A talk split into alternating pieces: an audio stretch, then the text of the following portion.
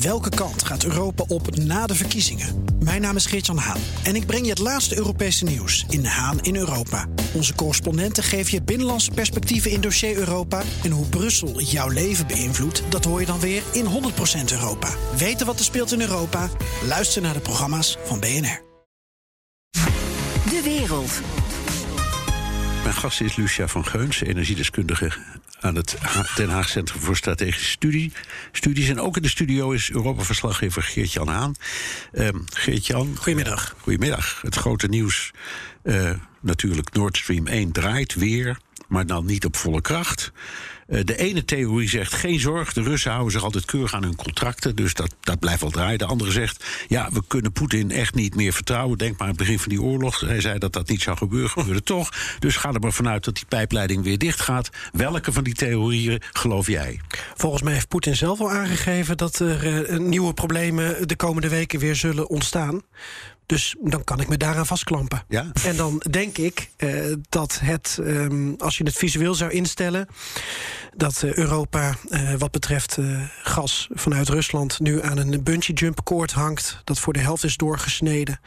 En Poetin die laat ons nog even bungelen en uiteindelijk nou ja, zijn we toch al van plan om zelf naar beneden te springen. Oké, okay, dus de theorie of het verhaal van uh, je, wat je van de Russen ook denkt of vindt, ze houden zich altijd aan hun contracten, gaat nu niet meer op. Dat gaat eigenlijk al een hele maand niet op. Hè. Dat ze, Nord Stream 1 die voerde afgelopen maand, voordat ze in onderhoud gingen, maar 40% van de stroom door. Ja. En een heleboel daarvan was lange termijn contracten.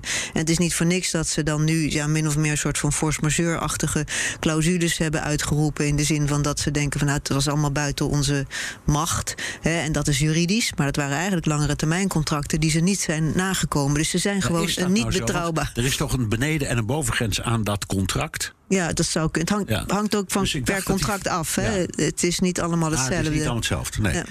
Um, um, Mag ik nog één ding toevoegen nee, aan wat er nu meespeelt? Uh, wat ik nog niet echt in de analyses heb gelezen. Uh, er is veel gedoe geweest over een gasturbine. Gasturbine, ik je vragen. Die vanuit Canada naar Duitsland inmiddels is gevlogen. Het is een Siemens apparaat, maar het moest in Canada worden gerepareerd. Ja, maar toen waren er sancties. En toen werd het dus onmogelijk om dat ding weer uh, terug te geven aan Rusland. Nou, Rusland heeft nu toch bedongen dat die gasturbine die kant weer opkomt. Maar ze hebben zelf de afgelopen dagen uh, via de pers aangegeven dat die pas de 24ste in Rusland zou zijn. Want dat ding wordt over de weg uh, vervoerd. Op het moment van dit gesprek is het 21 juli.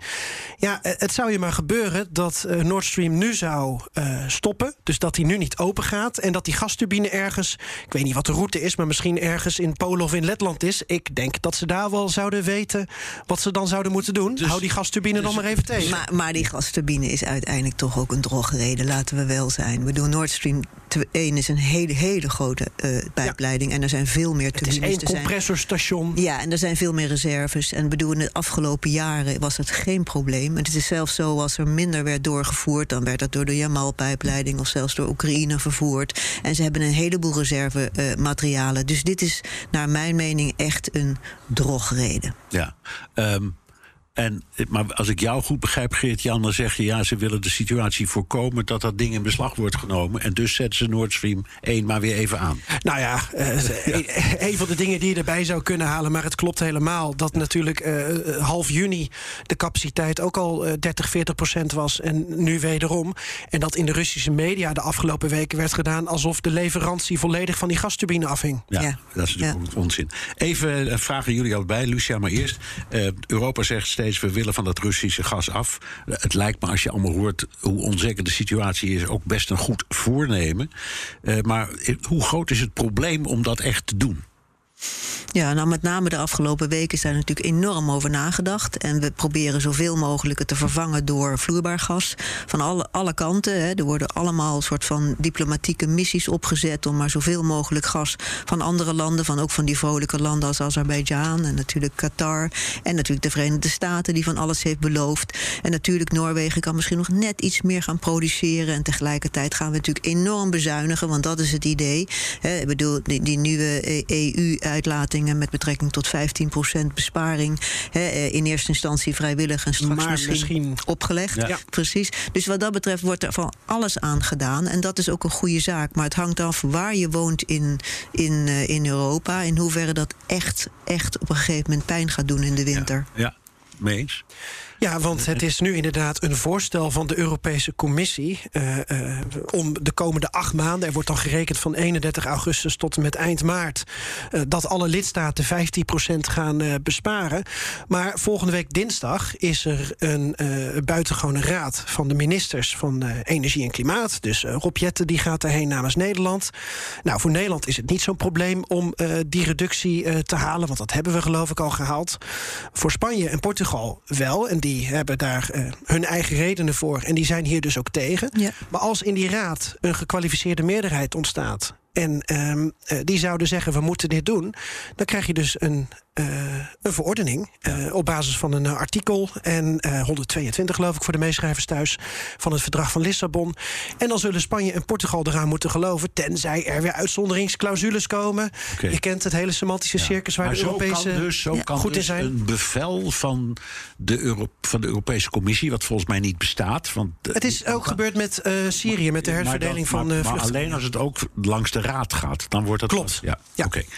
Maar dat mag dus ook via de raad in dit geval ministers van Energie. Het hoeft niet Ja. op basis van de EU-leiders te Goed. Nord Stream 1 mag dan weer draaien. Europa wil het risico enigszins afdekken. En daarom reist de commissievoorzitter von der Leyen... je had het daarnet al, eh, al eh, over, Lucia... naar eh, Azerbeidzjan om een gasdeal te sluiten. From next year on, we should already reach 12 billion cubic meters. This will help compensate for cuts in supplies of Russian gas and contribute significantly to Europe's security of supply. Azerbaijan will evolve from being a fossil fuel supplier to becoming a very reliable and prominent renewable energy partner to the European Union. Ja, je kunt eh, het ook anders zeggen. Je kan het, het was een heel be- belangrijk, eh, weet ik wat voor land. En het, het, maar het, het, het, het was een hele belangrijke dictatuur en nu is het een hele belangrijke leverancier. Of Is dat cynisch, Lucia? Ja, het is een beetje cynisch. Het is vooral heel opportunistisch Ja. vanuit een Europese maar zo optiek. is het wel, Geert-Jan. Nou ja, de EU kreeg vaak als verwijt dat het geen geopolitieke speler was. Nou, eh, dit is volgens mij geopolitiek en, en gaspolitiek. Ja. Want wat komt er nog meer bij? Als je gas uit Azerbeidzjan wil, dan moet je ook samenwerken met Turkije. En we zien dat Turkije nu rondom bijvoorbeeld Zweden en Finland tot de NAVO toch ook enige eh, chantagemiddelen kan inzetten. En er wordt zelfs eh, gespeculeerd over op termijn kan Turkmenistan daar dan bij. Nou, als je een eh, voorbeeld hebt van waar de dictatuur is uitgevonden, ga er maar aan staan. Ja. Maar ja, ehm, we zoeken naar alternatieven. 2027 zou 20% van ons gas uit Azerbeidzjan moeten komen. Dat is ook het jaar dat wij in principe niks uit Rusland meer zouden moeten krijgen. Is het initiatief van Brussel.